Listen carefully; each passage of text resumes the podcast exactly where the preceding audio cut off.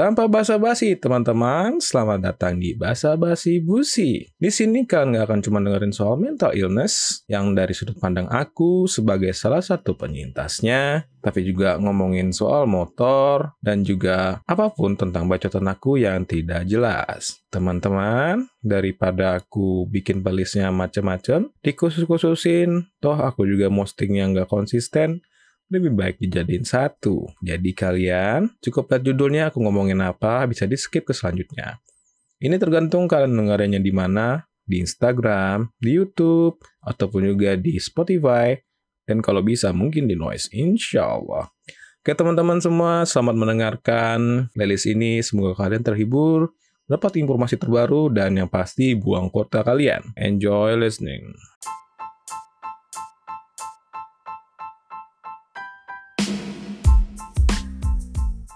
Udah lihat aja judulnya. Kalau kalian nggak bisa lihat, ya sekarang kita akan basa-basiin film di Netflix series Cyberpunk Edge Runner. Buat kalian yang tidak tahu, Cyberpunk Edge Runner sendiri sebenarnya adalah sebuah installment dari universe yang diciptain oleh Mike Pondsmith, seorang game developer yang juga terlibat di game Cyberpunk, eh, Cyberpunk 2077. Buat kalian yang tidak mengikuti, atau main gamenya sendiri nggak akan ada masalah karena apa pun Easter egg, cameo ataupun tempat landmark di game yang muncul di film ini ataupun series ini cuma akan membuat kalian yang main tersenyum sedikit.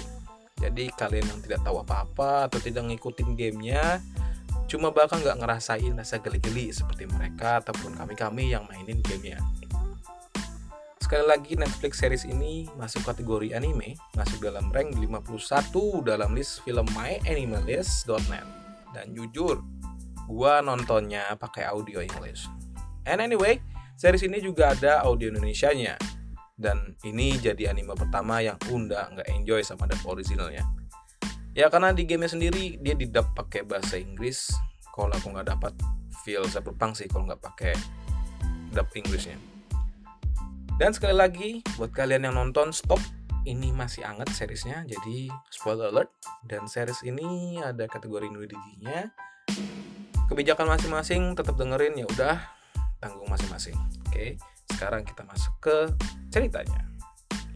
Berset pada tahun 2076, satu tahun sebelum Cyberpunk 2077 dimulai, bercerita tentang David Martinez, seorang anak jalanan yang hidup bersama ibunya di sebuah kota bernama Night City. Tebak saja dari rasisme cerita bahwa David Martinez tergolong dari anak yang single mom kalangan menengah bawah. But guess what? He is the top genius kid among their people. Buat kalian yang main, aneh referensi ke orang-orang yang tinggal di Santo Domingo ya. Ya setiap kota ada pembagian tempat lah ya, ada yang high up, mid, dan poor. Dan karena kapasitas David adalah anak jenius, dia bisa bersekolah di Arsaka Schools, suatu sekolah orang-orang kaya. Dan guess what, teman-teman yang satu sekolah sama David merundung David atas status ekonominya yang tidak sesuai di sekolah itu. Yang pasti mahal dong bagaimana seorang street kid dari satu Domingo bisa bersekolah di Arsaka School. Well, itu semua bisa atas kegigihan emaknya. Sebagai emergency medic technician kota Next City dan spoiler alert, menjual segala cyberware dari mayat-mayat orang cyber psychosis. Cyber psychosis itu sendiri adalah fase di mana seorang manusia terlalu banyak implannya, akhirnya kehilangan akal sehatnya gara-gara implan yang mereka install di tubuh mereka. Berhenti di situ ya, kita nggak ngomongin cyber psychosis. Kita lanjut ke situasi ketika David masuk kelasnya. Karena David suka install aplikasi bajakan, macam-macam nih. Program instalan yang dikasih sama Reaper Dog David akhirnya nggak diterima sama siapa sekolah dan ngebuat semua perangkat belajar BD. Siswa yang lagi sama satu server sama dia jadi CERT atau dari slang di gamenya sendiri maksudnya adalah short circuit. Climax bermulai ketika bukan ketika David di drop out, tapi ketika David dan ibunya dalam perjalanan pulang setelah dalam perjalanan pulang ini menjadi korban dari kegiatan gangster yang ada di kota Next City itu sendiri. Mereka terjebak di antara crossfire atau di antara tembakan dan mobil mereka pun akhirnya terbalik setelah target geng animal yang melakukan penyerangan ini berhasil meledakkan target mereka dan mobil yang target mereka ini menimpa mobil mereka. Setelah akhirnya kecelakaan tersadar dari pingsannya dan ibunya terlempar dari mobil dan tergeletak di jalan, datanglah trauma team. Dan karena merasa David ibunya bakal ditolong sama trauma team, ternyata nih dari trauma tim ini nggak ada niat untuk ngebantu. Karena ibunya sendiri bukan termasuk dalam asuransi trauma tim itu sendiri. Ya tipikal distopia masa depan lah ya. Long story short ibunya dilarikan ke Reaper Dog terdekat. Ya, Reaper Dog ini semacam dokter lah ya. Jadi nggak ada istilah dokter tapi Reaper Dog di mana paket asuransi kesehatan mengarahkan mereka ke sana. Bukan yang the best pasti tapi tetap aja dengan dinginnya Reaper Dog yang menangani ibunya ini tidak berempati dan makin menjelaskan kepada kita atau ke David seberapa semerawutnya naik city sampai kita tuh jangan percaya sama satu jiwa pun ya. Satu jiwa nggak tahu mungkin sama kucing kita juga nggak usah nggak usah percaya. Anyway dikabarkan ibunya baik-baik aja. David pun pulang. Banyak sekali masalah di mana dia harus melunasi berbagai macam tagihan. Bahkan dia saja tak bisa masuk ke dalam apartemennya sendiri karena ia tunggakan Akhirnya ya David pun menerobos masuk lewat ventilasi udara. Sampai suatu ketika dalam renungannya yang memperhatikan jaket kerja ibunya, David melihat sesuatu. Di dalam jaket ibunya, dia menemukan sebuah cyberware, Sandy Fiston. Sebuah cyberware grade militer yang bahkan mustahil ada di pasar gelap, apalagi di, apalagi di pasar umum, sorry. Mau ketelan liur nih. Anyways, nah cyberware Sandefistan ini sendiri diambil secara diam-diam oleh ibunya dari Norris, seorang yang terkena cyber psychosis yang di awal yang ditayangkan tuh. Kalau kalian nonton yang di awal, yang ketika si David yang ditonton sama David di awal, aku ngomong ulang ya. Anyway, yang menyerang polisi itu terus akhirnya mati sama pasukan Max Tech. Dan ternyata mamaknya ini adalah salah satu dari petugas medis di lokasi yang menangani mayat Norris ini sendiri. Oke? Sekian gitu aja dari Unda. First pace dari series ini bakal gua akhirin sampai sini. Kalian coba deh nonton di Netflix Cyberpunk Edge Runner. Dan buat kalian yang main gamenya udah lama dan nggak main, sekarang sudah ada update sampai ke versi 1.6. Dan buat kalian yang menyukai anime dengan story dark, tapi kalian nggak begitu tahu lore-nya, walaupun kalian tahu lore-nya itu cuma bonus, ya bakal sama-sama bisa nikmatin lah. Ini pilihan tepat, Cyberpunk Edge Runner. Bahkan aneh ya, sampai menggebu-gebu pengen main lagi, download lagi update-nya, dan menghajar si Adam Smasher ya. Karena aku attach banget sama animenya, sama Edge Runner-nya, jadi ya, ya gitu deh, terbawa emosi. Tapi kalau di lore sendiri ya bisa ngalahin Adam Smasher cuma dua, kalau nggak sama si Morgan Black Hand, ya V, tapi bukan V dari BTS ya. Anyway, sampai sini aja kepanjangan closingannya. Bye.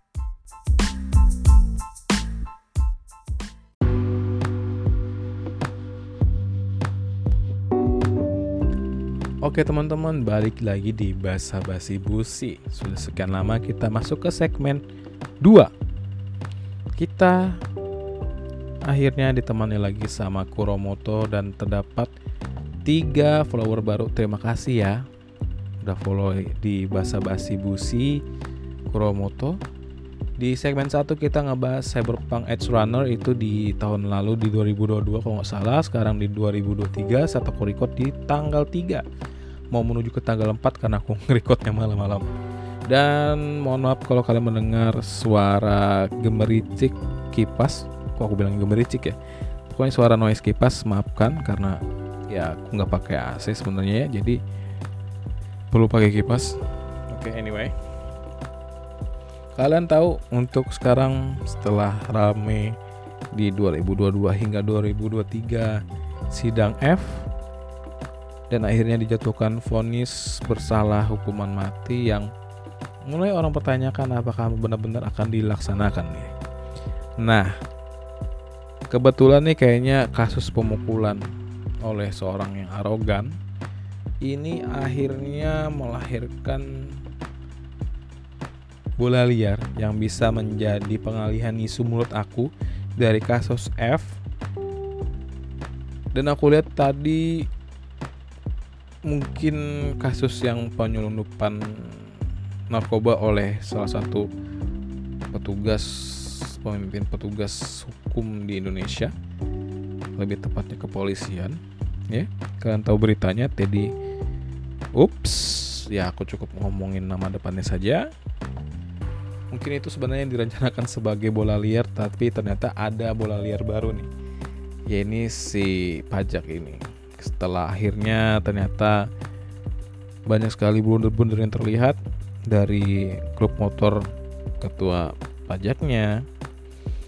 Dan harta-harta yang tidak sesuai dengan eselon yang dirasakan untuk eselon 2 ya kalau nggak salah di beritanya. Akhirnya dicopot kasian banget deh si si pelaku pemukulannya nih. Dia bakal ditendain sama orang-orang penting orang-orang yang lebih kuat yang akhirnya kena imbasnya dia. Orang baik orang salah akhirnya kena juga gara-gara dia. Teman-teman gue yakin banget. Ajaib sih kalau hidup dia tetap enak. Ajaib sih. Dia tuh pada pasti bakal ditandain sama orang-orang deh minimal. Kerja udah sulit.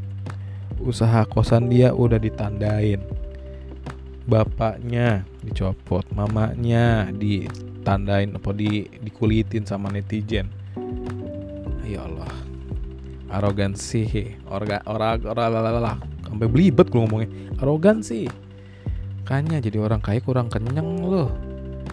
Oke terlepas dari itu kita akan ngomongin soal pajak ya. Lu masuk di mana nih para pendengar sekalian?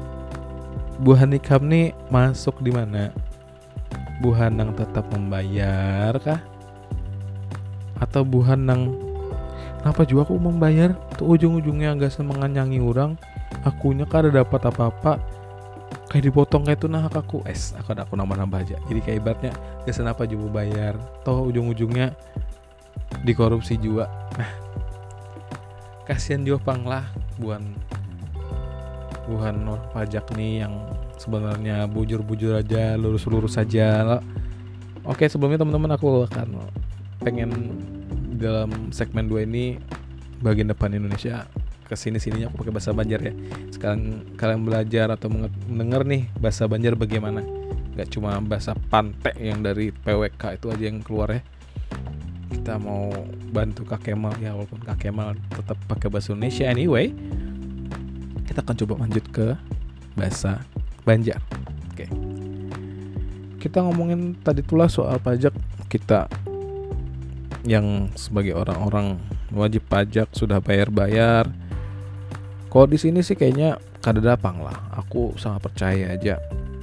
Buhan pajaknya bersih. Aku amini aja. Ya.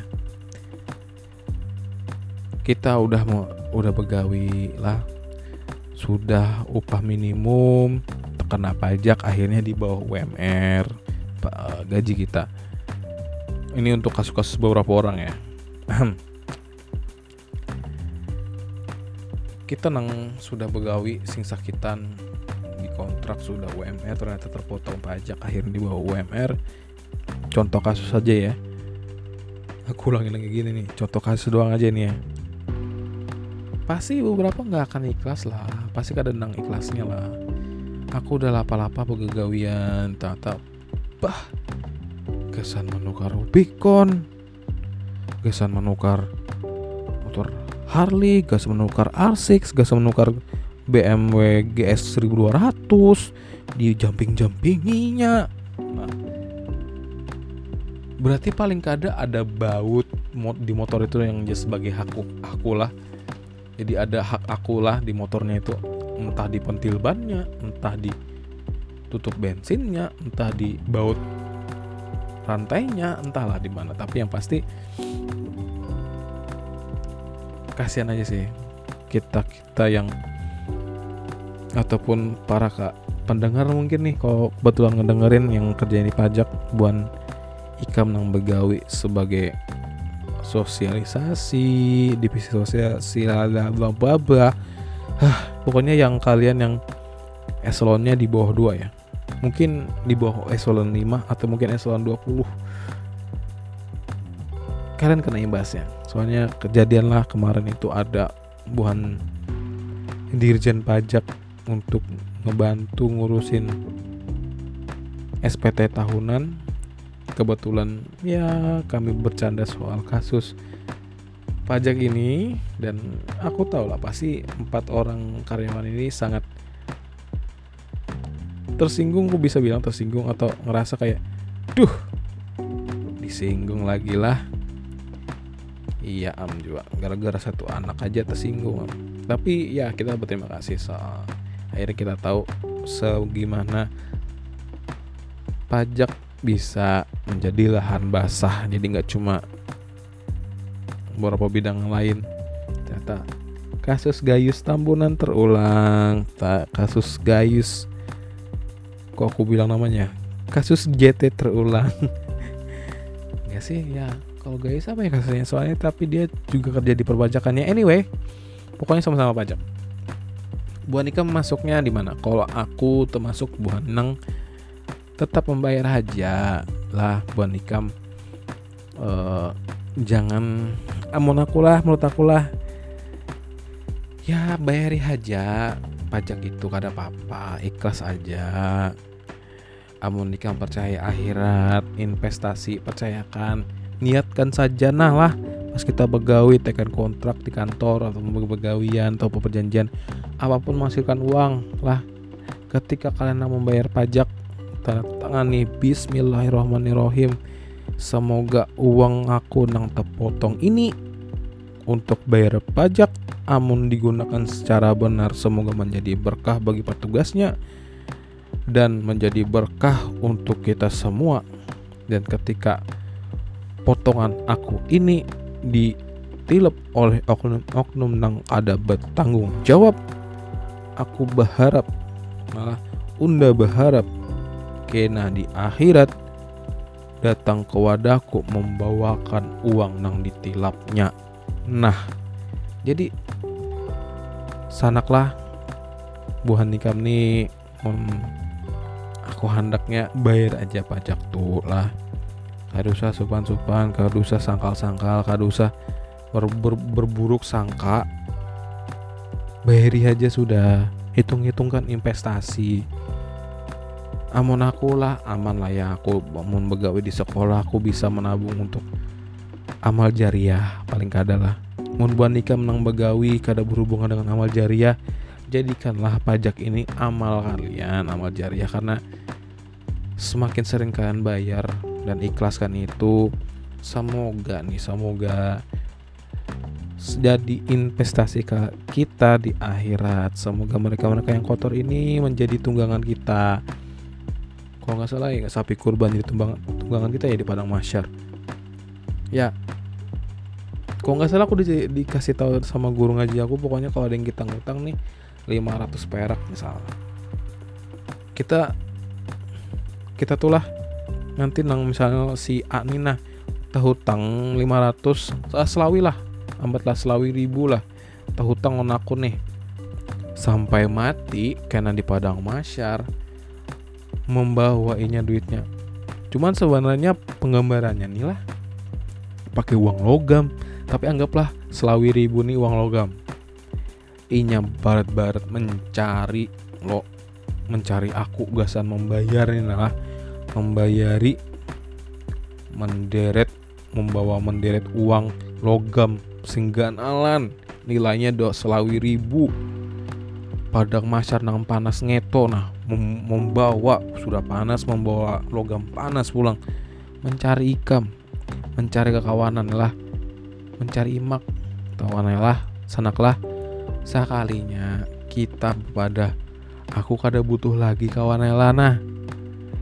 Ikam menilap di dunia di dunia lah. Ini di padang padang masyar aku kada butuh nang itu.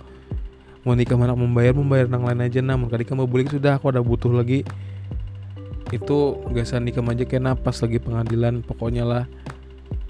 Aku kada redo tapi aku kada butuh itu sekarang. Pokoknya lunasi dengan cara yang lain. Hmm. kayak apa ya kam dikaitu akan nah pas di akhirat kena percaya aja lah. Allah itu maha adil. Sebenarnya kita tertolong dengan mereka nih lah. Mereka mereka nih oknum-oknum ini menyediakan jasa sebenarnya. Mereka tuh berkorban hendak memikul hendak berinvestasi. Eh, berinvestasi. Hendak menjadi benda investasi lah ibaratnya. Gasan kita kita nih nanang sudah lapah-lapahnya. Ya adil lah jadi Allah tuh memberikan nikmat dunia kebuhannya tuh oknum-oknum nih. Oknum harta, uh, nikmat harta. Nambah tuh lah pas lagi di akhirat kita nang nyaman. Jadi kenapa apa juga? Ya udah kita jangan terlalu terlalu diambil pusing sanak lah bayar aja pajak. Amun buan nikam kada membayar pajak aku ada membantu ibuan pajak lah. Aku sebenarnya sangkal juga nih buan pajak nih. Aku sangkal juga sebujurnya. Sebelumnya aku mau record bakal keluaran aku soal apa-apa yang ada di di kotaku nih lah. Apa kenapa sebagai aku yang wajib pajak boleh mengeluh tapi ya sudahlah. Kalau aku ta tayangkan ku taruh ini ke anchor dan tertayang di Spotify mungkin bakal jadi senjata buat mereka-mereka yang nggak suka dikomentarin ya sudahlah. Intinya aku pada hilang buat nikah lah. Sudahlah bayar pajak aja sudah. Jangan bermacam-macam. Jangan gara-gara si buhan pajak ini mengorupsi pajaknya kita lalu buhan nikam kadang mau memenuhi kewajiban nikam. Sudah aja kada apa-apa. Biar aja buhannya kadang memenuhi kewajibannya buhan yang dosa. Mau nikam kadang membayar juga ikam membuat berdosa apa bedanya ika lawan inya? Ya sudah bayar aja sudah. Ya kenapa kada dibayari? Makanya sudahlah bayari aja sudah. Anggap aja kita berinvestasi lah ini terserah Ika mau percaya ada akhirat. Ya silakan. Kada apa-apa juga. Tapi mau kada percaya ada surga dan neraka kada apa-apa. Ya sudah kita mati gelap gulita sudah. Kada apa-apa. Ataupun reinkarnasi Allah walam bukan kapasitas berpikir tapi yang pasti percaya aja lah. Tuhan nikam mau Tuhan Yesus mau Allah siapa pun itu. Siapa pun yang kau percaya bahkan ataupun kamu tuh ateis puji Gramedia deh. Apa pun itu yang kalian percayai.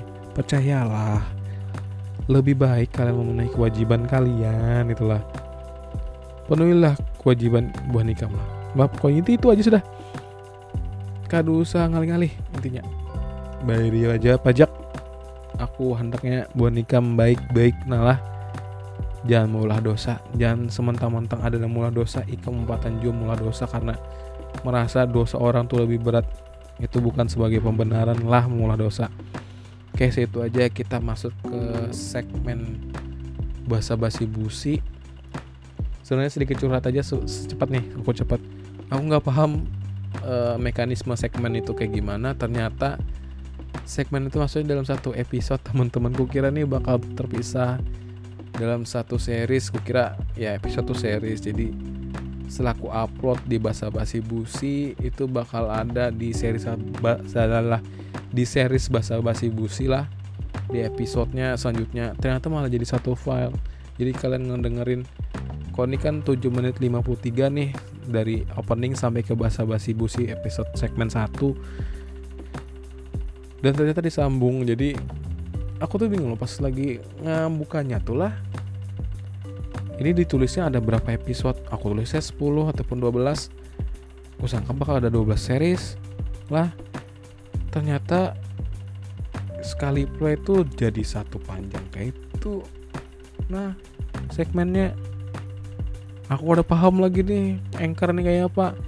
Tapi pasti nanti bakal banyak aku ubah episode biar makin banyak nih playlist di di play, playlistnya si uh, Spotify aku dan semoga GC lebih banyak ya teman-teman. Thank you for listening teman-teman. Setelah mendengar ini semoga kalian sedikit tergelapkan oleh basa-basiku ya. Dan ini kayaknya bakal aku upload di episode yang baru karena dengan pros progres dengan mekanisme segmen aku jadi bingung kok satu file doang jadi ya kita akan bertemu di uh, episode selanjutnya saja karena kepanjangan ngomong udah 16 menit. Bye bye